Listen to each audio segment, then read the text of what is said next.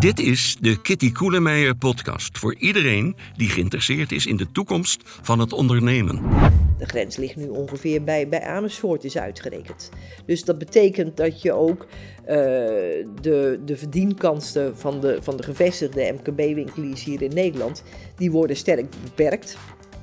En uh, zozeer dat je je afvraagt van kunnen ze dan nog blijven bestaan. Waarom zou er een aparte CAO moeten komen? Voor nou, ik denk, kijk, de, de, het basisargument, maar dat wordt niet zo uh, uitdrukkelijk uh, genoemd, is gewoon dat ze onze CAO te duur vinden als werkgevers.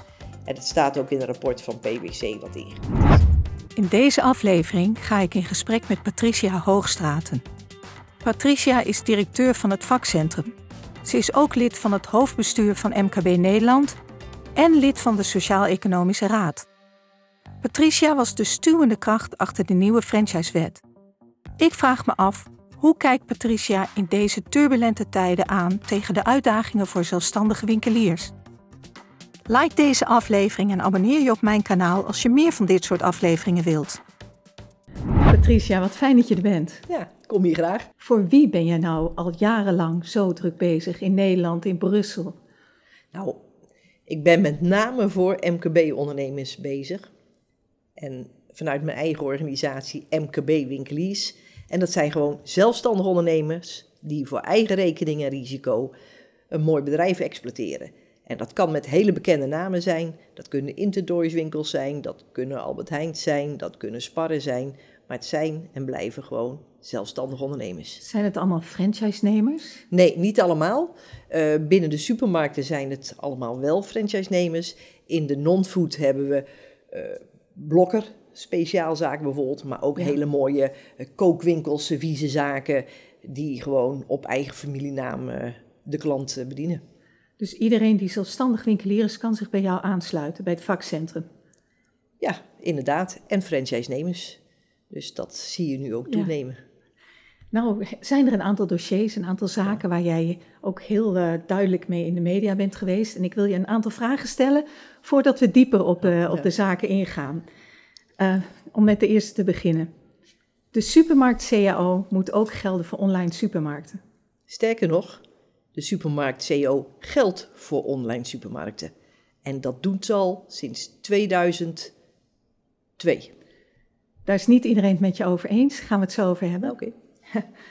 De samenwerking tussen franchisenemer en franchisegever is verbeterd door de wet franchise van januari 2021. Ja, de dialoog is absoluut tot stand gekomen. Uh, er vinden hele goede uh, uitwisseling van gegevens uh, vinden plaats. Maar de afgelopen twee jaar gaf de wet nog mogelijkheid om zaken samen af te spreken. Uh, je ziet dat die processen nog niet in alle franchise-relaties zijn afgerond. En het komende jaar gaan we gewoon echt kijken, ja, wat is ervan geworden? Want uiteindelijk moet het resultaat. Ik lig wakker van.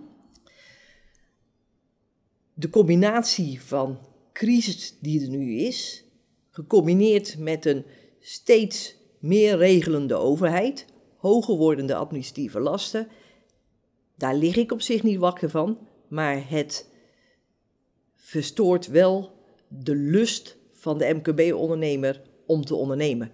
En ik lig wakker van het idee van, zouden ze nog steeds zin houden om over vijf, over tien jaar dat te doen wat nu het dorpje, de winkelstraat, de stad zo levendig en aantrekkelijk houdt? Als we kijken naar uh, jou, jou, uh, ja, de dingen waar je, waar je mee bezighoudt, wat zijn op dit moment de thema's of de dossiers waar je, waar je de meeste aandacht aan besteedt?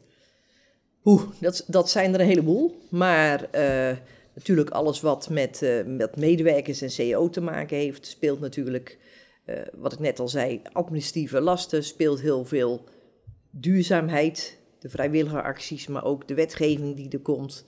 En de hele transitie natuurlijk van de detailhandel, wat er ook toe leidt dat de detailhandel zich moet aanpassen, maar ook de lokale overheid ja, hun beleid ook fors moeten richten op uh, het behoud van ja, die leefbare kernen en winkelstraten. Kun je wat specifieker zijn over die transitie? Wat bedoel je daar precies mee? Nou, de hele wereld is aan het veranderen. En eigenlijk zijn er drie hele belangrijke dingen die uh, moeten gebeuren de komende jaren. Een transitiepad op het gebied van duurzaamheid, op het gebied van digitalisering en ook op het gebied van uh, opleidingen van medewerkers, de skills van de medewerkers. Door alle veranderingen moet dat allemaal aangepast worden. Dat hebben we ook laten onderzoeken. Dat gaat ook heel veel geld kosten. En ja, dat is weer een, uh, een uitdaging om, om de hele ploeg retailers MKB's en, en grote retailers uh, naar het goede punt toe te brengen. Hoe pak je dat aan? Waar begin je mee? Want er komt nogal wat op ze af. Ja, vanuit, vanuit de taken die ik heb en, en, en mijn collega's gaan we eerst kijken of de, de basisvoorwaarden of die gewoon goed neergezet worden. Dus dat, je begint te praten met uh, mensen die daar uh, druk regeltjes voor het maken zijn in Brussel en in, in, in Den Haag natuurlijk, maar ook op provinciaal en, en lokaal gebied. Omdat ze eerst goed tussen de oren moeten krijgen van wat is de waarde hè, van, van het MKB en dan wat is de waarde van de MKB-winkelier en waarom moet ik daar aandacht aan besteden om de leefbaarheid en vitaliteit van de samenleving gewoon op peil te houden. En bedoel je daarmee dat het niet goed genoeg tussen de oren zit? Absoluut. Ja? Absoluut niet dus, hè? Nee, ja, ja, duidelijk. Nee, echt niet. Nee, nee het, uh, het zijn soms best wel uitspraken. Uh, hè, ook ook uh, mevrouw van der Leyen, dus de, de, aanvoerder van de Europese Commissie, die heeft gezegd: de MKB is de ruggengraat van onze economie. nou, dat wordt hier in Nederland ook herhaald. Heel mooi, maar daar lijkt het eigenlijk bij op te houden als je uh, hoofdeconomen van banken uh, spreekt, hè, die macro-economisch denken, en we hebben het over de gevolgen van de huidige crisis die er zijn, dan zeggen ze ja, ach, en dan sluiten zo'n winkel. Wat maakt dat uit? En die mensen hebben absoluut niet voor ogen wat de meerwaarde is van die MKB-winkeliers, die MKB-ondernemers voor de hele samenleving. Als je maar genoeg afstand neemt, hè, dan zie je, al, zie je dat MKB als kleine, ja, kleine ondernemers. En dan denken ze waarschijnlijk, kan niet voor hen spreken, als er één verdwijnt, komt er wel weer een ander voor terug. Want er is zoveel dynamiek en zoveel bedrijvigheid. Maar, maar dat is maar zeer de vraag. Ik had, uh, recent had ik ook een gesprek met, met de Europese organisatie van, uh, van familiebedrijven. En daar hebben de leden ook van gezegd dat er steeds meer ondernemers zijn die als ze 55 zijn, nu gaan denken, moet ik gaan investeren? Investeringen die nodig zijn voor die transitie die ik net verteld heb, hè, voor die duurzaamheid, die digitaliseringsskills. Zal ik daar nog investeren? Want moet ik het mijn kinderen wel aandoen om gewoon het bedrijf over te nemen? En, en dat zijn wel hele zorgwekkende opmerkingen. Die heb ik eigenlijk, ik werk al jaren met, met MKB-ondernemers, winkeliers, die heb ik tot op heden nooit zo sterk gevoeld en gehoord als ik ze nu gehoord heb. Dus er moet echt wat gebeuren om, om dat enthousiasme om ondernemer te zijn, om dat gewoon toch bij, bij die ondernemer te houden. Ja, en in Brussel is natuurlijk het gevoel, is het belang van de, van de MKB wordt zeker wel onderkend, denk ik. Ja. Maar ook misschien het idee van het komt toch wel goed. Ze vinden wel een manier, het komt op hun pootjes terecht. Nou ja, kijk, het is natuurlijk wel zo dat Brussel op een hele grote afstand staat van, ja. uh, van, van Nederland of welk land dan ook in de, in de Europese Unie. En uh, sommige dingen willen ze echt wel goed regelen, maar dan landt het niet gewoon ja. op de plek waar het moet. Een voorbeeld uh, is bijvoorbeeld financiering. Hè, er zijn enorm veel potten op dit ogenblik om ondernemers te ondersteunen om te digitaliseren, om te verduurzamen, om opgeleid te worden. Er zijn ook potten gewoon gericht op MKB'ers, maar dat is geld. En hoe komt dat geld? Nou, in, die, in dat bedrijf, in die winkel.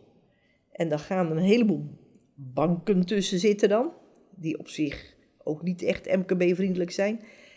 Of er komen intermediairs die daar toch een hele goede uh, ja, goede commerciële verdienpositie uh, in vinden. Want ze zijn intermediair, verdienen ze geld aan. Maar het komt gewoon niet bij die ondernemers. Ik, ik had daar uh, met een parlementslid had ik er ook over. Maak het nou eens simpel. Alles is zo lastig en zo moeilijk. En nou ja, een oplossing zou kunnen zijn dat ze ook gewoon de, de Centrale Ondernemersorganisatie, MKB Nederland en de onderliggende brandersorganisatie daar ook een taak in geven. En ga simpel werken, ga met foutjes werken en niet met moeilijke regelingen. Ik heb ze er ook op gewezen dat veel ondernemers soms gebruik maken van, van uh, beschikbare subsidies, hè, net zoals uh, in de coronatijd. En dan blijkt dat de kosten van verantwoording door de accountant dat die hoger zijn ja. dan het bedrag wat er ontvangen is. Nou ja, daar help je geen MKB mee, uh, Kitty. En die, die oplossingen die draag je aan. Maar ja. dat is op een of andere manier toch lastig om te realiseren. En is het ook in elk land anders? Nou, over het algemeen, als ik naar, mijn, naar, naar onze zusterorganisaties luister, die komen gewoon uh, toch dezelfde problemen tegen. Daarom zijn we natuurlijk ook gewoon weer allemaal ja. verenigd in Brussel om, om daar te starten. Die transitie, daar zitten veel aspecten ja. aan. Het gaat over duurzaamheid, over digitalisering, over competenties die je nodig hebt. Ja. En dus ook de arbeidsmarkt. Uh, je hebt zojuist even gesproken over de financiële kant ervan.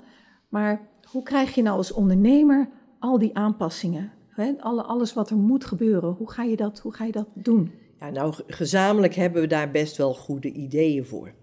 Maar uh, de financiële uh, problemen die ik dadelijk nog wel even wil uitdiepen ja, trouwens, ja, ja. Die, die nemen zoveel weg van, het, van, van de marges van de ondernemers, dat daar geen mogelijkheden meer zijn om opnieuw te investeren in zaken als duurzaamheid en digitalisering. En dat is heel hard nodig. We hebben ook gewoon, hey, is onze boodschap naar, uh, naar de overheid is ook van, wij willen daar best aan meewerken. We hebben er ook ideeën over. Daar moet je ons bij helpen. We willen er ook in investeren. Maar we moeten het wel gewoon samen doen. En, en, en dat samen doen, dat is iets wat ja, heel, heel erg moet gaan spelen. Samen doen ondernemers onderling, ondernemers overheid, ondernemers Europa. Ja, en ondernemers met, met alle partijen gewoon in, in de markt. Waarbij uh, ja, belangrijke aspecten zijn uh, toch ook uh, het, het verzorgen van een zodanige infrastructuur door de overheid, dat zaken ook uitgevoerd kunnen worden. He, ik ken ondernemers die hebben wel kunnen, kunnen investeren in duurzaamheid. Hè? Dus bijvoorbeeld om gewoon alles gewoon van het gas af te gaan, alles elektrisch uh, in te richten, uh, alles te verzorgen. Maar dan blijkt dus de infrastructuur, het energietransportnet, die blijkt daar gewoon niet in staat te zijn om dat op te vangen. Ja, die, die infrastructuur, dat is voor jou de, een van de belangrijkste hobbels die genomen nou, worden. Ja. Of is het toch geld? Is het toch het financiële? Nee, kijk, er zijn in feite vijf punten uh, uh, die aangepakt moeten worden. De, dat is die infrastructuur. Uh, er moeten ook administratieve lasten die erbij horen, die moeten verdwijnen. Plannen die extra complexiteit voor die MKB'ers opleveren, daar moet je ook van afzien. Je moet, die samenwerking moet je, moet je tot stand brengen. En je moet op allerlei, als overheid, moet je op allerlei manieren gaan ondersteunen. En dat is enerzijds zorgen dat de financiële uh, middelen ook echt bij die MKB-ondernemer komen. Aan de andere kant is het ook om hen toch een beetje uh, ja, bescherming te geven. En dat bedoel ik niet eens echte bescherming, maar te garanderen dat er een gelijk speelveld voor die mensen is. Dat is nogal wat, hè, bij elkaar. Ja, maar ja, goed, als je iets wil realiseren ja. en we hebben er wel een jaar of tien de tijd voor, maar we moeten wel nu starten. En het is natuurlijk heel vervelend als we dan bij, bij de, de hoogste overheid, dan de Europese Commissie vragen, kan je ons steunen, hè, bijvoorbeeld over de administratieve lasten en, en de, de lastige wetgeving. En je spreekt erover. En als je dan hoort dat meneer Timmermans zegt van ja, ik begrijp het, maar ik heb zoveel aan mijn hoofd. Uh, de effecten van de coronacrisis, de oorlog. En ik moet ook nog zorgen dat licht aan blijft. Dan denk je, ja, dat is heel belangrijk. Dat is superbelangrijk. Desalniettemin, wij kunnen daar best wel een ondersteunende rol in spelen. Alleen dan moeten we die andere voorwaarden, daar moet ook wat aan gedaan worden. Ja. ja. En je zei zojuist dat je die financiële kant nog iets verder wilde uitdiepen. Nou, de kostenkant. Mensen uh, spreken te makkelijk over uh, de winstpositie van, van met name die MKB-winkeliers. Nou, buiten het feit dat ze natuurlijk tijdens de coronatijd, hè, de non-food is gewoon dicht geweest. Uh, food heeft een heleboel extra eisen voor hygiëne, openstelling, afstanden, meer openingstijden, meer personeelsleden gehad. Dat, dat ook wel veel meer kosten heeft opgeleverd. Hè, wel meer omzet, meer kosten. Nou, toen we de laatste lockdown hadden, die werd opgeheven, dag daarna begon de uh, oorlog in de Oekraïne. Dat heeft gelijk geleid tot de energiecrisis. Ja. Uh, er waren al uh, problemen met transporten vanuit China hè, door de corona. Een, de grondstoffen zijn duurder geworden. in de tussen zijn er ook die, nieuwe eisen gekomen op het gebied van duurzaamheid logisch, en op het gebied van gezondheid. Uh, dat heeft ertoe ook geleid dat bepaalde uh, grondstoffen, bepaalde producten in prijs worden verhoogd. Nou ja, aan de andere kant heb je de inflatie die ook de consument heeft getroffen, hè, die ook minder te besteden heeft. Die heeft ook de hogere energiekosten, hebben ze voor de kiezen. Dus ja, dat matcht dus helemaal niet. Dat betekent dat bij de, de gemiddelde MKB-ondernemer gewoon de ruimte die er is om, om te investeren en, en nieuwe zaken te ontwikkelen, die is daardoor is verdwenen. Je krijgt daar nog als extra component bij, uh, bij de non-food. Daar is uh, veel uitstel van, van belastingbetaling uh, verleend. Maar dat moet nu ook allemaal ja, betaald, betaald worden. De inflatie is zo hoog dat we huren immens stijgen. dus dus de, de huurmarkt gewoon naar het MKB, dat is geen beschermde markt. Uh, daar staan in contracten dat de, de prijsindex gewoon wordt gebruikt. Ja, dan kom je toch op een gegeven moment op, een, op het punt dat je opeens geconfronteerd wordt met een huurprijsverhoging van 10 tot 14 procent. Je wilt een gelijk speelveld. Dat speelt natuurlijk ook, of misschien wel vooral, aan de grenzen van Nederland. Ja, nou Nederland heeft, heeft vrij veel grens. Het is een klein landje, vrij veel grens. En er zijn natuurlijk altijd prijsverschillen geweest tussen Nederland en Duitsland of Nederland en België. Alleen op dit ogenblik uh, zijn die prijsverschillen gewoon redelijk extreem. En dat komt omdat uh, de Nederlandse uh, politiek in het kader van duurzaamheid en, en gezondheid zaken wil gaan regelen die als je alleen naar dat ene deel kijkt, misschien best wel goed zijn, maar waarbij constant vergeten wordt dat Nederland geen eiland is. We zijn een klein land en je bent zo'n buitenland. Bijvoorbeeld hè, uh, uh, de accijnzen, hè, wat inkomsten zijn voor de, voor de, voor de overheid, die, die worden steeds aanzienlijk verhoogd. Wat tot gevolg heeft dat het inkopen van alcohol in Duitsland ja, echt de moeite waard is. een fles sterke drank is soms maar de halve prijs in Duitsland. Dan hoef je ook niet eens naar een speciaal naar een slijterij te gaan, waar je in Nederland bent. Nee, dat doe je gewoon in de supermarkt. Kan je dat gewoon hm. kopen. Uh, tabaksprijzen, daar zit een enorm verschil inmiddels al per pakje. En uh, volgend jaar gaat een pakje sigaret hier in Nederland uh, eh, 10 euro kosten. Tabak is een legaal uh, product dat verkocht mag worden. Nog wel. Nog wel. Hè? En, en uh, mensen die tabak gebruiken, ik ben geen tabakslobbyist, absoluut niet. Ik ben ook nooit. Geen roker ook. Ik ben helemaal geen roker nooit geweest, maar het is gewoon een product dat legaal verkocht mag worden. Nou, wat uh, gebeurt er? Mensen die roken zijn daar toch aan verslaafd, dat moet je ook erkennen. Daar moet je de mensen ook mee helpen. Dus die blijven tabak kopen die gaan gewoon de grens over. Die gaan nu al de grens over omdat het een stuk goedkoper is. Als dadelijk een verbod komt om tabak in supermarkten bijvoorbeeld te verkopen, gaan ze nog meer die grens over. De, de, de, mensen, de mensen die uh, de grens overgaan, zien niet alleen dat alcohol gewoon in die supermarkt vrij verkrijgbaar is en goedkoper. Ze kunnen daar ook tabak tegen lagere prijzen blijven kopen, die dadelijk niet eens meer in de Nederlandse supermarkt verkrijgbaar zijn. En dan krijg je nog het punt dat er andere btw-stelsels zijn, waardoor gewoon de totale inkoop heel aantrekkelijk wordt. Ja, en dan natuurlijk nog de merkartikelenfabrikanten die verschillend prijzen in verschillende landen in Europa. Ja, of ja dat, dat, is, dat is een heel belangrijk probleem. We vieren dit jaar dat, hè, het feest van de interne markt weer. Maar die interne markt bestaat op dat gebied niet, omdat daar nog steeds gewoon beperkingen zijn eh, van gebieden en in, in aankoopsmogelijkheden. En dat ligt niet aan de interne markt, maar dat ligt wel in de positie van grote merkleveranciers. Kijk, een, ehm, loop maar eens door een Duitse supermarkt. Je zal zien dat een fles Coca-Cola is daar zomaar 70 cent goedkoper, of 80 cent goedkoper. En dan kan je zeggen, nou, kunnen de Nederlandse inkopers dan niet in Duitsland inkopen? Ja, je zou zeggen, ja, dat kan. Maar ook door Europese wetgeving moet daar dan een Nederlandse etiket op staan, want anders begrijpt de consument het niet. Alleen die hele grote merkfabrikanten, die weigeren dus die flessen of uh, de Kellogg's Cornflakes of gewoon met Nederlandse etiketten aan te leveren.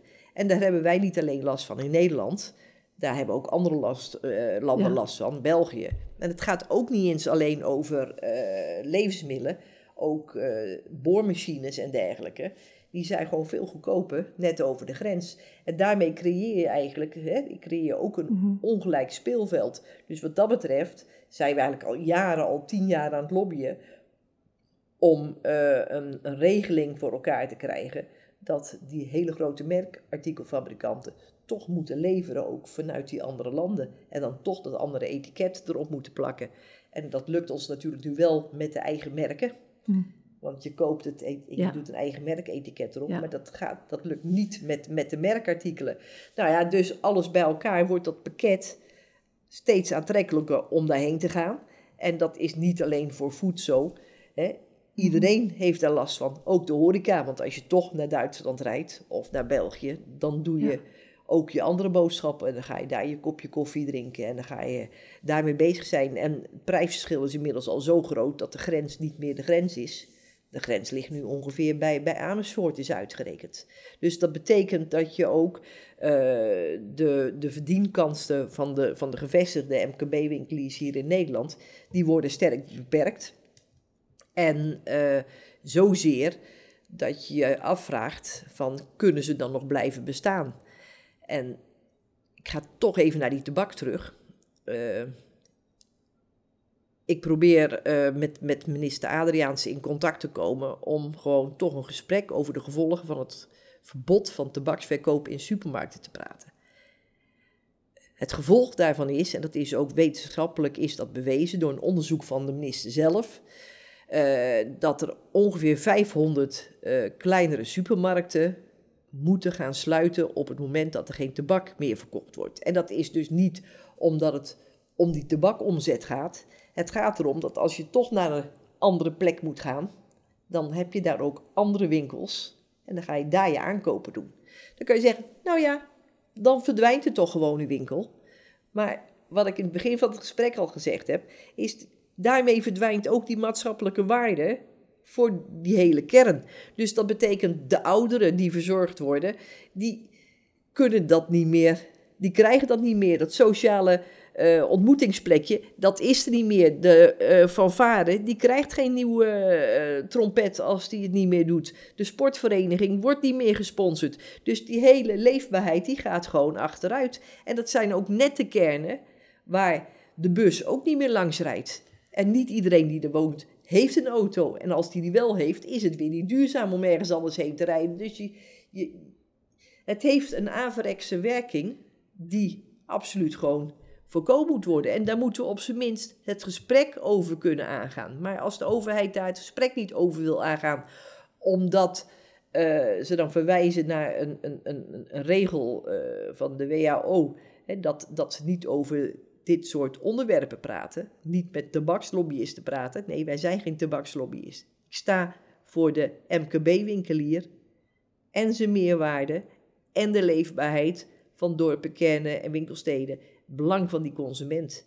En dat moet ook gewoon beter meegenomen worden. Wat denk je te kunnen bereiken? Want het verbod op tabaksproducten, ik denk dat dat een, een, dat is een feit. Dat een feit is, inderdaad. Heb, je al, heb je al suggesties? Hè, want dat, dat verbod, daar ontkom je niet aan. En dat, dat betekent toch dat op een gegeven moment er nergens in Nederland meer tabak te koop is. Ja. Of in de overgangsfase nog gereguleerd in speciale winkels. In speciale dat, zaken dat wordt wel te kopen. En, ja, er komen ook speciale winkels die dat mogen, die een vergunning krijgen. De, speciaal, ja, de speciaalzaken. Maar je kijkt, hoe zou je dat kunnen oplossen? Wij hebben ook wel uh, gezegd van, nou, los het dan op als als er geen speciaalzaak in, in een nabijheid, directe nabijheid van zo'n laatste winkel is. En een directe nabijheid, hè, twee kilometer of iets dergelijks. Geeft dan die de, de, de, de bestaande supermarkt, geeft hij dan een vergunning om gewoon toch iets te blijven verkopen. Want dan voorkom je die trek uit dat, uh, uit dat winkelgebied. En dat is helemaal niks nieuws. Dat had je 30 jaar geleden al, 40 jaar geleden al, met geneesmiddelenverkoop.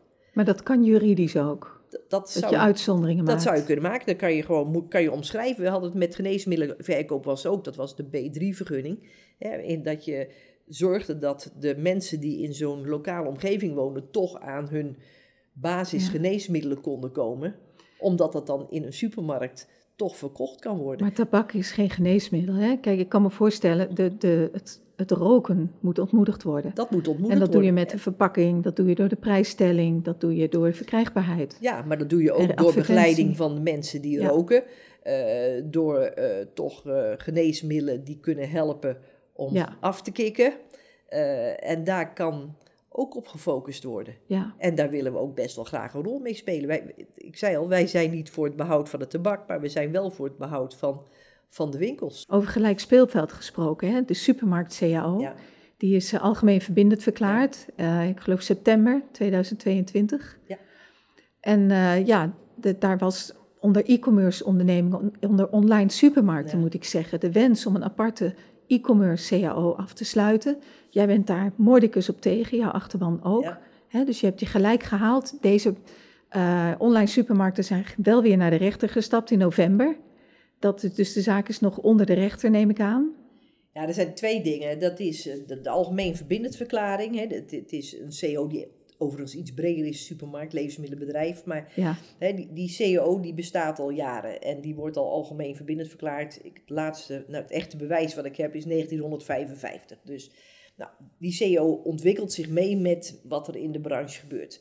We hebben uh, ook uh, al jaren geleden, 2002, hebben we ook in die CEO uh, gezegd van nou hij is niet alleen toepasbaar op de fysieke winkel, hij is ook toepasbaar op de virtuele winkel. Toen was het woord digitaal of, of e-commerce, dat, dat was er nog niet eens. En toen zijn er ook, is er ook gedacht aan, aan functies en andere zaken. Die CO voor het levensmiddelenbedrijf, hè, zo heet die officieel, die wordt al sinds 1955 algemeen verbindend verklaard. Daarmee is het niet meer dezelfde CEO als dat het in 1955 was. Die heeft zich mee ontwikkeld aan de ontwikkelingen gewoon in de branche. Dus vanaf 2002 is die ook niet alleen maar van toepassing op de fysieke winkel, maar ook op de virtuele winkel. Het woord e-commerce bestond eigenlijk niet eens. Nou, we hebben in die CEO hebben we ook bijvoorbeeld uh, de beloningen gebaseerd op functies. Maar die functies die zitten in een functiewaarderingssysteem. Dat is het ORBA-systeem.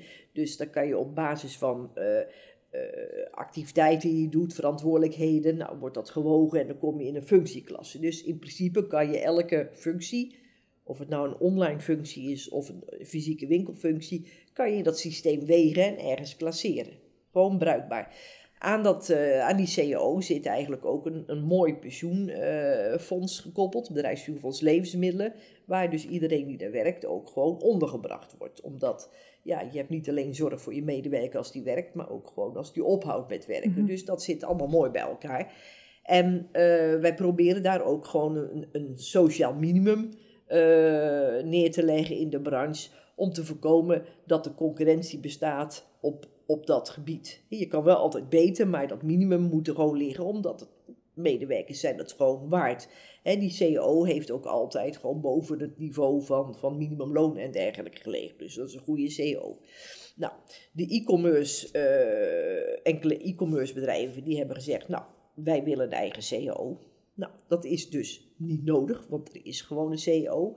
En iets beter doen dan in die CEO staat, staat iedereen vrij. Hè? Elke werkgever mag zijn medewerker meer geven dan in de CEO staat. Daarom is de minimum CEO. Um, maar uh, die uh, eh, die hebben, was eerst van, van één onderneming, toen is het van de, e-commerce vereniging, die heeft die uh, eh, verder aangepast en die heeft ook een algemeen verbindend verklaring aangevraagd. En wij hebben daar gewoon tegen geprotesteerd, omdat A, wij waren de bestaande CEO en B, de arbeidsvoorwaarden van onze CEO liggen boven de arbeidsvoorwaarden van de e-commerce CEO.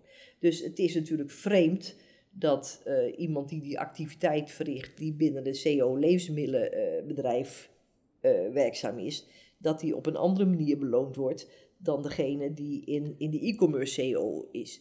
Nou, die e-commerce CEO is niet een betere CEO dan onze CEO. Dat wordt wel gezegd, maar dat is niet zo.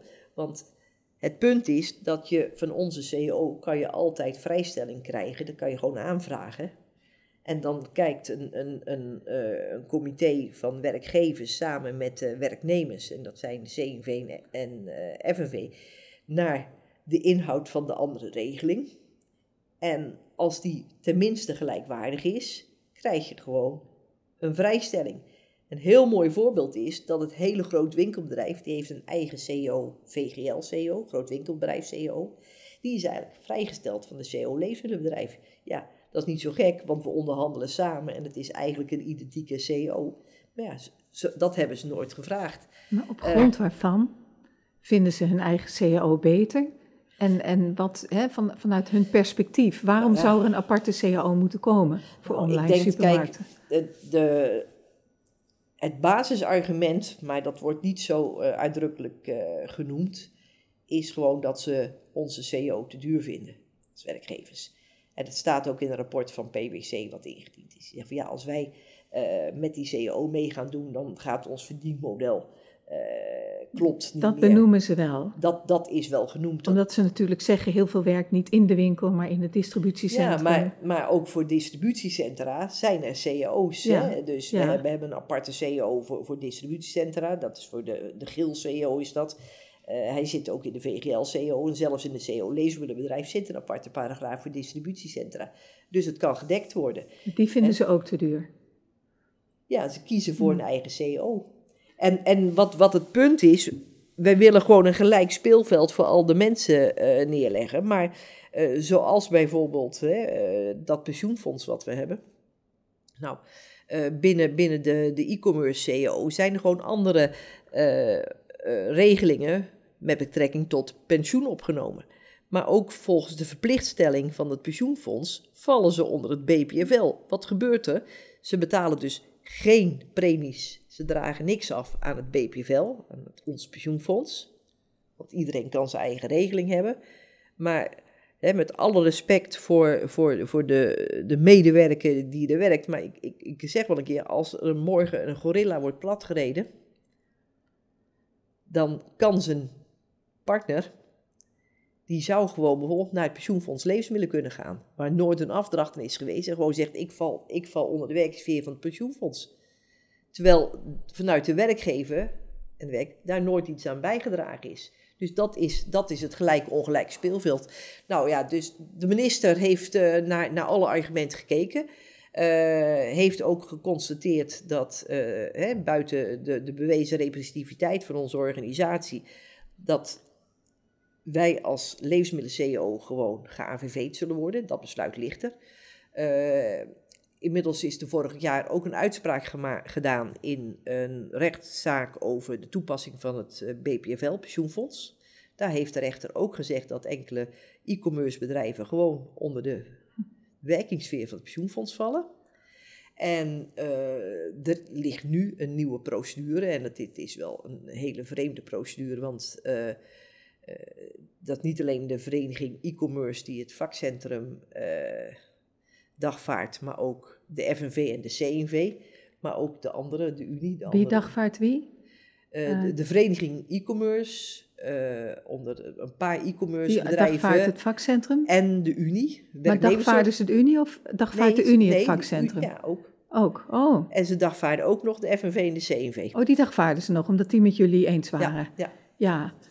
Ja, omdat de gezamenlijke CEO is. Nou ja, goed, en op dit Ja. ogenblik. En wat is dan het juridische argument, even gewoon kort? Wat, wat, Nou, waarom? dat ze, zij zeggen, wij zijn geen. eh, Oké, die CEO is dan van toepassing, maar wij vallen niet onder het, de definitie winkel.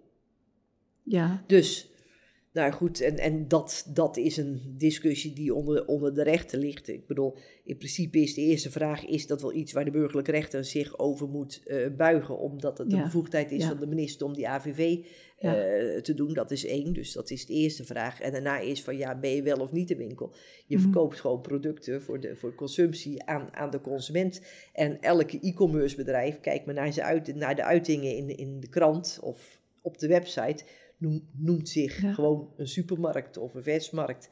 Dus wat dat Maar betreft. op dit moment gedraagt ze zich nog niet naar de supermarkt-CAO. Of, of juist Nou, wel. Op dit moment, kijk, wat, wat men doet, dat doet men. Maar op dit moment, en ook de momenten daarvoor, horen ze gewoon de CEO-lezersbedrijf toe te passen. Punt. Ja, je zei het is lastig eh, gezien hun businessmodel. Hoeveel, aan welke kostenbesparing moet ik denken als ze een eigen CEO zouden kunnen, kunnen ja, zich daaraan zouden kunnen houden? Ja, maar ze, die, Nee, maar stel dat het ze lukt. Dat, Nee, want- maar het, het punt is dat, dat, stel dat het lukt, nee, eh, A, gaat het ze niet lukken. En B, is het gewoon zo dat eh, in deze wereld, als je gewoon in een branche een CEO afspreekt, dan heb je gewoon gelijkwaardige arbeidsvoorwaarden. En, en daar kan je dan wel iets motiveren, maar het- de medewerker heeft in ieder geval recht op de gelijke uitgangsposities. En nou zit ik hier als werkgeversvertegenwoordiger Ja. de medewerker te verdedigen, maar goed, het is wel ons, ons grootste goed, dus dat... Kijk, hoor wat je zegt, hè? Maar dat PwC-rapport waar je het over had, Ja. daar werd dus in gezegd, het, hè, dat, daaruit leid jij af dat het moti- motief om een eigen CAO te willen is kosten. En, en dan vraag ik me af, hoe groot, hè, om, om hoe, hoeveel verschil zit er dan in die kosten? Heb je het over 10%, over 5, over 15, 20? Ja, dat is, dat, is een aanzien, dat, is een aanzienlijk, dat is een aanzienlijk aantal. En ik bedoel, je kan dat na het rapport kan je Ja. gewoon krijgen. En, eh, Nee, en, maar en die kosten, ik bedoel natuurlijk, ik bedoel werkgevers, ik heb net gezegd, eh, werkgevers in, in, de, gewoon in, in de ouderwetse wereld, zoals anderen het noemen, maar gewoon het levensmiddelbedrijf, die hebben gewoon ook een aanzienlijk Ja. aantal kosten. maar en die dat- hebben ook vaak een aanzienlijke e-commerce omzet al. Dus dat, eh, ja, maar Ja. e-commerce is over het algemeen niet, niet de, Nou, de poot waar, supermarkt. waar je het profijt uit haalt. Nee, nee, daarom Dus- juist, dus daarom. is- Ja, als je natuurlijk eh, ergens tussen 5 en 10 procent omzet haalt uit online als Ja. Natuurlijk heb je dan omnichannel en het geheel eh, houdt elkaar, hè, verbetert elkaar, bevordert elkaar. Dan, dan is het misschien toch ook wel aanlokkelijk om daarover na te denken. Nee, maar het is best wel aanlokkelijk. Maar het punt is gewoon, je moet een, toch een, een bedrijfsmodel moet je kiezen waar, Ja. waar je gewoon profijt uit kan halen. En dan is dus, wa- waar haal je dat dan uit? Ja, en dan zijn wij van mening, en dat is ook weer bevestigd door, door, de, door onze leden, hè, dat we gewoon een, een goed eh, minimummodel willen hebben voor de medewerkers. En, en met, met dat uitgangspunt gaan we ook volgende CEO-onderhandelingen weer in. Nou, duidelijk, dankjewel. en nu even over duurzaamheid. Ja. Jij bent eh, ja, de stichting SSK begonnen, super supermarkt keurmerk. Ik, ik, eh, ja, ik, ik weet dat jij dat, ik was daar ook bij betrokken, dat jij dat, daar eigenlijk mee een enorme voortrekker was. Want wanneer ben je dat begonnen, dat initiatief? Ja, dat is nu elf jaar geleden. Ja, denk ik, dat hè? is echt... ja. Ja, toen zijn we begonnen. Nee, wat, wat opviel is dat eh, die ondernemers heel veel doen. eh, gewoon in en buiten de winkel, hè, die zelfstandige ondernemers. Mhm. Dus, en dat is duurzaamheid in brede zin. Dat kan zijn door, door mensen met, met een achterstand in dienst te nemen. Maar dat is ook afvalbeperking. Gewoon het hele eh, bedrijf energiezuinig maken. Niet alleen zorgen voor veiligheid in je winkel, maar ook eromheen. En natuurlijk, wat ik eerder meldde, ook al die sponsoring. Alleen dat vinden ze normaal. Hè? Ja, Steek je kop niet boven dat maaiveld uit. Het hoort er gewoon bij. Maar omdat dat niet bekend is bij de politiek, bij de consument, bij anderen, ja, kunnen ze daar ook nooit profijt van trekken. En als de keuzes gemaakt wordt, wordt er niet naar die ondernemer gegaan. Dus je moet het toch ergens laten zien. Nou, dan gaat een ondernemer nooit zeggen van ik ben zo goed, want ik heb eh, nee. zoveel eh, mensen met een handicap in dienst en ik heb eh, echt speciale tomaatjes liggen die helemaal duurzaam zijn gekweekt. Dat doet hij niet. Nee, dat Dus doet, moet- ik, ik hoor nog wel dus- eens, eh, mijn, mijn eh, pand is CO2-neutraal. Dat hoor ik de Ja. laatste tijd heel vaak. Ja, dat begint, begint maar dat zeker tien jaar geleden niet. doen Nee. ze zeker niet. En als ze ledlampen zeggen, dan gaan ze dat ook niet eh, zetten. Nee. Het begint te komen. Hè? Als je bij een supermarkt bijvoorbeeld van, van Leusing komt in het oosten van, van het land, dan heb je ook een mooie iPad op je karretje kan je zetten. En dan kan je gewoon allemaal zien waar, waar de duurzaamheidszaken Hm. van, van de winkel in zitten. Van, oh, kijk eens even naar dat lampje, kijk eens even naar dat glas, kijk eens even naar dat hout. Maar goed, dat zijn nog maar eh, heel weinig mensen. Dus toen hebben we samen met TNO is dat keurmerk ontwikkeld. En daarmee kan je dus gewoon ja, de mensen kenbaar maken dat het niet alleen ja, iets is wat je om marketingreden naar buiten brengt, maar dat het ook gewoon wetenschappelijk onderbouwd is. We hebben ook gemerkt dat elke keer als we zo'n certificaat uitgeven, dat de burgemeester dan komt of een wethouder, dat het gewoon brede belangstelling krijgt. Dat sommige gemeentes ook blij zijn. Goh, wat fijn, want wij moeten ook duurzaam worden, hebben we een goed voorbeeld. Dus het brengt een heleboel samenwerking tot stand en een heleboel eh, mooie voorbeelden. Mensen worden creatief. Hè, eh, ze gaan koken, ze gaan eh, warmte herwinnen. Nou, je ziet elke keer weer een Ja. nieuw initiatief. Er worden aan hele grote projecten meegedaan. eh, maar ook met de Maag, Darm en Levenstichting. Omdat het toch wel fijn is dat er een toilet beschikbaar is voor die patiënten. We hebben ook in het kader van de gezondheid hebben we diabetes, diabetes testen gedaan. Er zijn ook voedingsdeskundigen in de winkel gekomen. Dus dat was gewoon leuk. Dat is nog steeds heel leuk. En, en mede ook eh, omdat je weer een volgende stap moest moet maken. Nou ja, goed, daar heb je ons eigenlijk ook wel voor geweest. Want denk eens na naar iets leuks. Zijn we natuurlijk sinds kort zijn we gewoon als een van de eerste gewoon ook aangesloten bij de Race to Zero. Een campagne dat ondersteund wordt door de Verenigde Naties.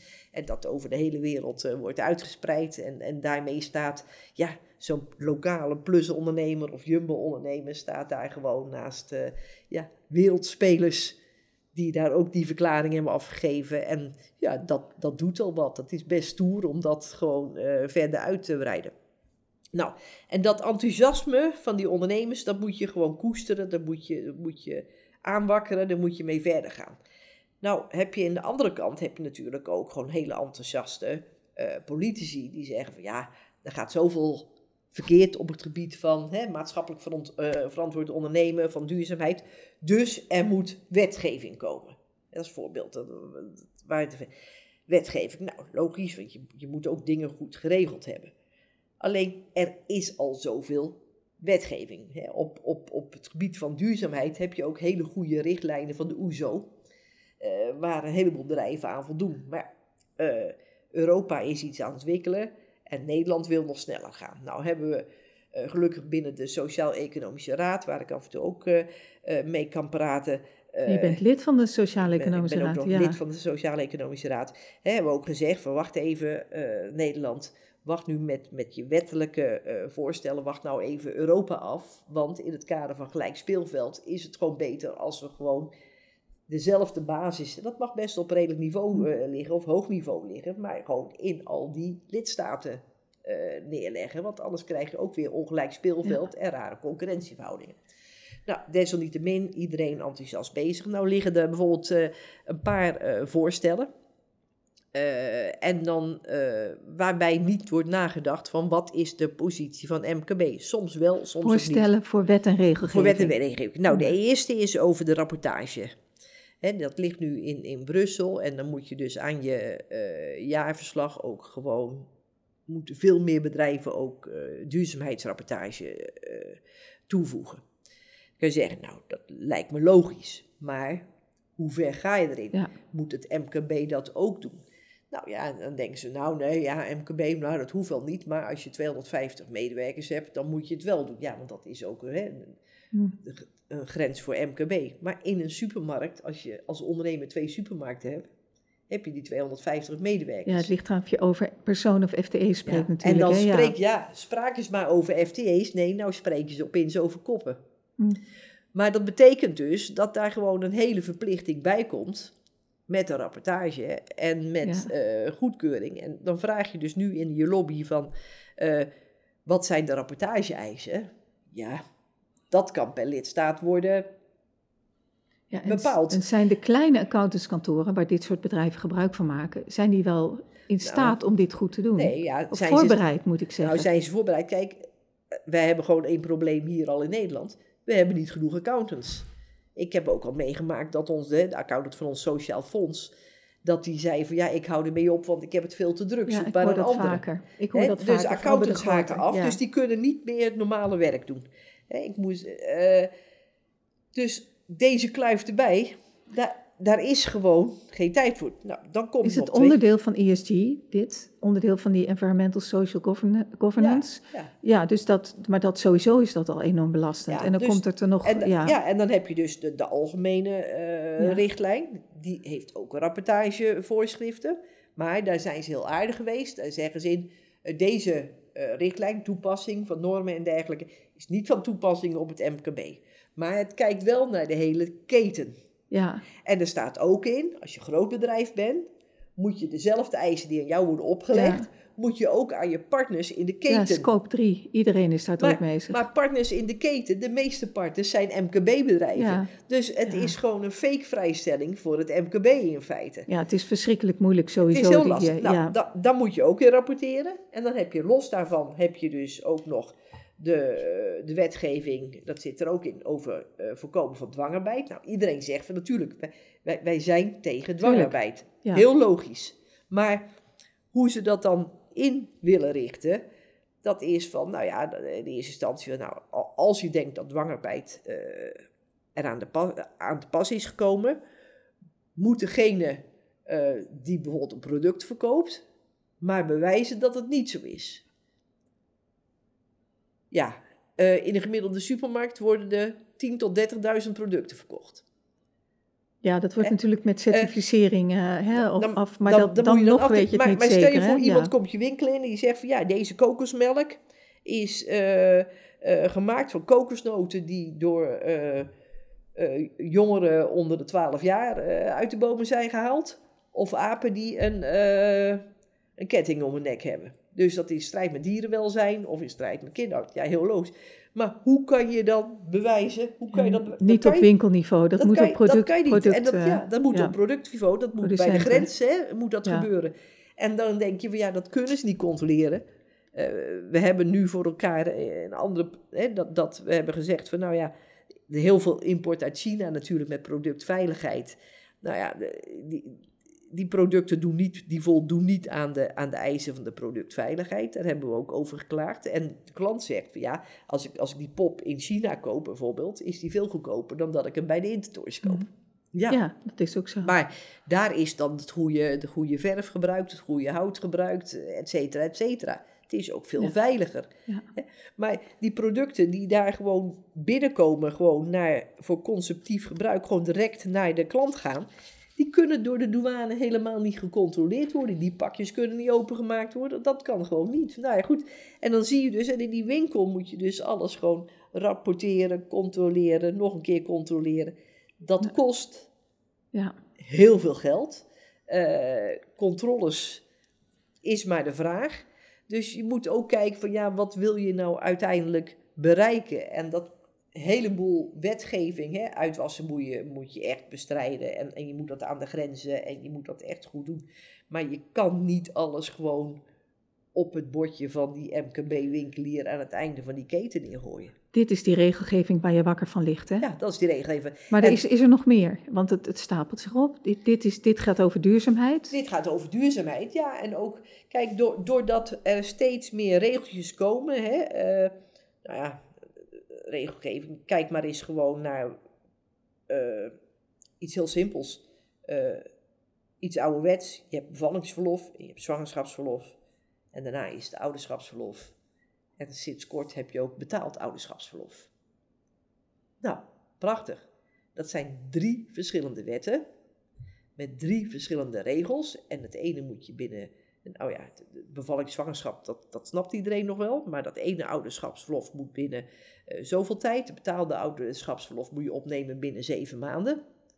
Maar dat betekent ook, buiten het feit eh, dat, dat die klem van zeven maanden erop zit, dat kan goed zijn. Het is ook een slechte zaak. Want ja, het zal maar net je enige specialist zijn binnen je bedrijf. Ja, maar dat moet je oplossen. Die, die je dan weg kan. En die moet je, dat moet je dan oplossen. Maar hoe kan je dat oplossen? Eh, aan de andere minister van Sociale Zaken is nu bezig om elke flexibiliteit uit arbeidscontracten weg te halen. Want dan zou je dus moeten oplossen. En zeggen, nou goed, ik vind nog een goede, die neem ik drie maanden neem ik aan, via een uitzendbureau of rechtstreeks. En bij het volgende geval van, van zo'n verlof, nou, dat, Ja, ik weet nog een goeie, weet je wel, Ja, die we de vorige keer hadden. Zullen, we- zullen we haar weer nemen? Zullen we Ja. hem weer nemen? Ja, dat mag niet. Hm. Want die mag niet zoveel contracten voor een bepaalde tijd zitten. Of er moet gewoon een veel langere tijd tussen zitten. Dus, dus dat soort zaken worden nu allemaal weggeregeld. Ja, dan is er ook geen lol meer aan. Hm. Dan moet je weer een ander niet ingewerkt persoon nemen. En, en al die dingen boven elkaar, ja, dat maakt dus dat, dat ondernemers op dit ogenblik gewoon zeggen: Ik vind het niet meer leuk om te ondernemen. Ik vind het ook leuk. wat ouderen, hè, zeg je. Of ook Ja. de jongeren. Ja, nou, de jongen en oude, beide. De ouderen zeker. Kijk, die, die moeten nu gewoon eh, bedenken: wat ga, ga ik de zaak overdragen na, aan, mijn, aan mijn volgende generatie? Hm. Of moet ik het gewoon verkopen? Dat, dat zijn hele moeilijke, hele moeilijke beslissingen. En dan is de volgende vraag: hoe kom je aan financiën? Dat is ook, hè, dat schijnt zo makkelijk te zijn. Nee, dat is gewoon, zeker bij hele kleine winkels gaat dat gewoon via een computerprogramma. En je komt gewoon niet aan die financiën. Want je kan niet aantonen dat je bedrijf de afgelopen twee jaar een goed resultaat had. Patricia, jij zelf, hè, jij strijdt onvermoeibaar voor je achterban. Ook al heel erg lang. Ja. Toch wel een paar decennia, mag ik zeggen. Ja. Wat maakt nou dat jij dat volhoudt? Vind jij het nog wel leuk? Ja, als ik het niet leuk vond, had ik wat Nee, anders gezocht. Dus maar- nee, maar- ik, vind, ik, vind het, ik vind het enorm, enorm leuk, want het is gewoon een, een missie waar je gewoon iets in probeert te bereiken. En, en het is En best... dat ook voor je gevoel? Bereik je ook echt dingen? Nou ja ik, ja, ik bereik wel echt dingen. Ik denk dat ik eh, na, met een boel volharding toch gelijkheid in die franchise-relatie heb bereikt bij de aanpassing van, van, eh, van, van het burgerlijk wetboek. doe ik niet alleen, dat doe ik gewoon met, met mensen die daarmee helpen en, en andere zaken. Dus je moet gewoon blijven, blijven herhalen. Ja, het is een soort. eh, en je ziet ook wel dat, dat eh, ja, ook in, in, in, in Brussel eh, zie je ook steeds meer belangstelling, ook toch voor die MKB'er en, en om hen te helpen. Alleen je moet door al die, ja, die, al die valkuilen moet je heen zien te stappen en altijd komen, dat is mij de les die ik mee, kom gewoon met hele praktische voorbeelden. En, en ook een oproep toch ook een beetje naar de werknemersbonden. Als we ergens op tegen zijn, is het niet per se omdat we ten nadele van, van de medewerkers wat willen doen. Echt niet het geval wat ik net zei. De, de, degene die gewoon lekker wil invallen als er gewoon een keer een, een ouderschapsverlof is in een bedrijf. Nou, als die persoon dat gewoon prettig vindt en de, en de werkgever vindt het gewoon prettig. Waarom moet je dat nou als overheid gaan verbieden en onmogelijk maken? Ja, dan leid je die mensen automatisch ook naar, naar het ZZP-bestaan of iets dergelijks. Nou, dat willen we ook niet. Geef ze gewoon die, die veiligheid om, om in, een, in, in een goed dienstverband eh, te werken. En, en dat, dat, eh, dat vind ik wel erg eh, jammer. En ik denk ook dat we gewoon met z'n allen ook veel meer die voorbeelden moeten aangeven van wat hebben we geregeld, wat gaan we regelen. Ik sprak met, met een bouwondernemer, heel, heel ander vak natuurlijk. Heb ik niet, maar, maar dadelijk moeten ze, als ze gaan verven, moeten ze dus per kleur verf een analyse van de verfstoffen aangeven en zo. Die schilder, die wil gewoon lekker schilderen. Hm. En die moet er van op aan kunnen dat die verf die die koopt, dat het gewoon Dat goede verf is. En die moet je niet, en als hij dan, eh, en dan moet hij bij elke stap en elke pot verf, moet hij een nieuwe risicoanalyse maken. Als je van witte verf naar zwarte verf gaat, moet je weer een risicoanalyse neer hebben. Kom op. Dat kun je automatiseren, hè? Dat kun je natuurlijk Ja. met, met software kun je dat doen. maar je je doen moet het wel weer doen natuurlijk. Je moet het Ja. wel weer doen, ja, maar Ja. het wordt elke keer gevraagd. En ga, gewoon, ga gewoon lekker bouwen, ga lekker verven. en Zorg dat we gewoon een leefbare omgeving krijgen. En, en daar wordt gewoon te weinig, eh, te weinig naar gekeken. Wat drijft jou om dit te doen? Waar komt je inspiratie vandaan?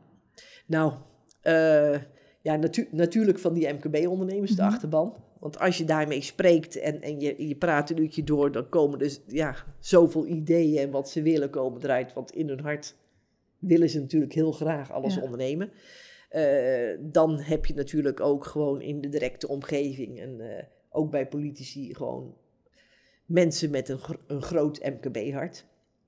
Dus, hè, je- zoals jij het net stelde, lijkt net of ik de enige roepende in de woestijn ben. Dat ben ik niet, want dat- Nee, dat zijn, dat zijn er toch heel niet. veel, heel veel meer. En als je dan gewoon twee dagen inderdaad hè, in Brussel een rondje hebt gemaakt langs de commissie, langs het Economisch Sociaal Comité, met Europarlementariërs hebt gesproken, met, met, met mensen van de, van de Europese koepels. En dan eh, ja, toch ontdekt hebben van eh Von der Leyen stelt voor een SME Relief Dus toch een hulppakket voor, voor MKB'ers. En dan kijk je erin en dan denk je, nou, dat is lekker, maar er zit ongeveer niks in het pakket. Dat moet eind van het jaar klaar zijn. Nou, dan kan je twee dingen doen. Dan kan je boos worden en denken van, zit niks in, het wordt weer niks. Je kan ook zeggen, hey, in Q3 moet dat pakket gevuld zijn. Dus wat moeten wij doen met z'n allen? Als de sonomieten ervoor zorgen dat we binnen drie maanden zoveel goede ideeën inleveren, dat, dat Ja. die ambtenaren gewoon iets hebben om dat pakket te vullen, waar we dan ook wat aan hebben. Je Ja. bent niet de enige roepende, maar wel een van de langstroepende, hè? Ja, ja, nou ja. Ja, en heb je, heb je, kom je zelf uit een MKB-gezin? Nee, helemaal niet. Oh. Nee, nee, nee, nee. Maar dat hoeft ook niet. nee, dat hoeft ook niet. Maar het is natuurlijk, kijk, ondernemerschap moet ook een beetje in, in je bloed zitten. Tuurlijk, tuurlijk. Dus, dus ik roep ook wel van, nou ja, met, met, met onze organisatie, ik voel mezelf ook wel ondernemer. Alleen ja, eh, eigenaar van de organisatie zijn, zijn de leden. Maar daar zijn we druk bezig. Je moet gewoon een leuk team hebben. Eh, een goede koepelorganisatie. En ze- gisteren zaten we ook met, eh, met Jacco, eh, Jacco Vonhoff. eh, nou ja, goed. Ook een ondernemer natuurlijk. hè, gla-. Plus natuurlijk. En ja, dan, dan, dan heb je gewoon een leuke dag. Want enerzijds maak je grapjes over de ramen van het gebouw van de commissie, dat die wel een keertje gewassen hadden kunnen worden. Maar aan de andere kant komt er gewoon keihard komen die voorbeelden hè, aan de orde. Dat eh, gewoon over de Nederlandse situatie, waaruit dus blijkt dat iemand die op het minimum zit met, met alle uitkeringen die er zijn, toeslagen die er zijn, als die 32 uur bij zijn schoonmaakbedrijf gaat werken, dan verdient zo'n persoon geen cent meer. Hm. En dat is weer een andere belangrijke. Werken moet gaan lonen. ja, En de wicht tussen bruto en netto moet gewoon enorm veel kleiner. En ja, hoe kan je dat krijgen? Ja, dan kan je ook zeggen van eh, de werkgever moet alles betalen. Dat roept de politiek. We kunnen ook zeggen, nou laat de politiek eens wat, wat minder geld uitgeven. Hè? En wat efficiënter met, met, met die zaken omgaan. Dan komen we er ook wel. Want als we 10 euro bruto aan een medewerker gewoon in, in, hè, met de laagste inkomensklasse geven, dan kost het de werkgever 13 euro. En uiteindelijk houdt die medewerker er ongeveer 3 of 4 euro aan over. Ja, waar blijft de rest? ja, Hè, we, we- we- mensen betalen nu WW-premies en, en, en fondsen. In die pot zitten miljarden, miljarden, miljarden. Gebruik dat dan eens om bijvoorbeeld om de werkgeverslasten omlaag te brengen. Komen ze met een argument van, ja, maar je weet Patricia, ja, belastingen die zijn overspannen, die hebben het veel te druk. We kunnen het belastingssysteem niet zomaar aanpassen, we kunnen de toeslagen niet aanpassen. Nee, maar hoe moeilijk is het als het daar een pot met geld staat, opgebracht door werkgevers, en, en voor een deel ook werknemers, om die nou gewoon te gebruiken om de lasten van die werkgevers en werknemers gewoon iets te verminderen. ja Hun nog- eigen geld. Dus er zit zoveel geld in. Er komt, dit jaar komt er 9 miljard euro komt er weer bij in die pot. Gebruik het nou dit jaar om gewoon die mensen die gewoon in transitie zitten, die moeten aanpassen, die moeten verduurzamen, gewoon die ondernemers om die te ondersteunen. En dan hebben die medewerkers daar automatisch profijt van. Want ja, zonder ondernemer en zonder onderneming is er ook geen werk. Er is nog Dus- veel te doen voor Ja. je, Patricia. En Ja. ik hoop dat het eh, allemaal dat, je, dat het je lukt. Ja. Dit zeker. Nog één vraag. Heb je een advies aan jonge ondernemers? Ja, eh, jonge ondernemers, laat je niet weerhouden om te ondernemen. Want het is een veel te mooi vak. Eh, om je te focussen op wat je wil, eh, zorg ervoor dat je gewoon goed geadviseerd wordt. Eh, daarvoor hoef je echt niet naar de duurste eh, adviesbureaus te gaan. Ga gewoon naar de brancheorganisatie in de branche waar je gaat werken. Die kennen de specialisten, die kennen de goede weg. En die staan er gewoon voor om hun branche gewoon tot het hoogste niveau te brengen en gewoon voor je te vechten. Zodat jij je kan ja, richten op, uh, op wat je leuk vindt, dat ondernemerschap. En alles eromheen proberen wij weg te houden van je. Dankjewel Patricia, fijn dat je er was. Oké, okay. graag gedaan Kitty. Dit was de Kitty Koelemeijer podcast. Als je dit gesprek interessant vindt en vaker dit soort gesprekken wilt zien of horen, druk dan op die bekende knop. Want dan weet je één ding zeker: de podcast van Kitty wordt vervolgd.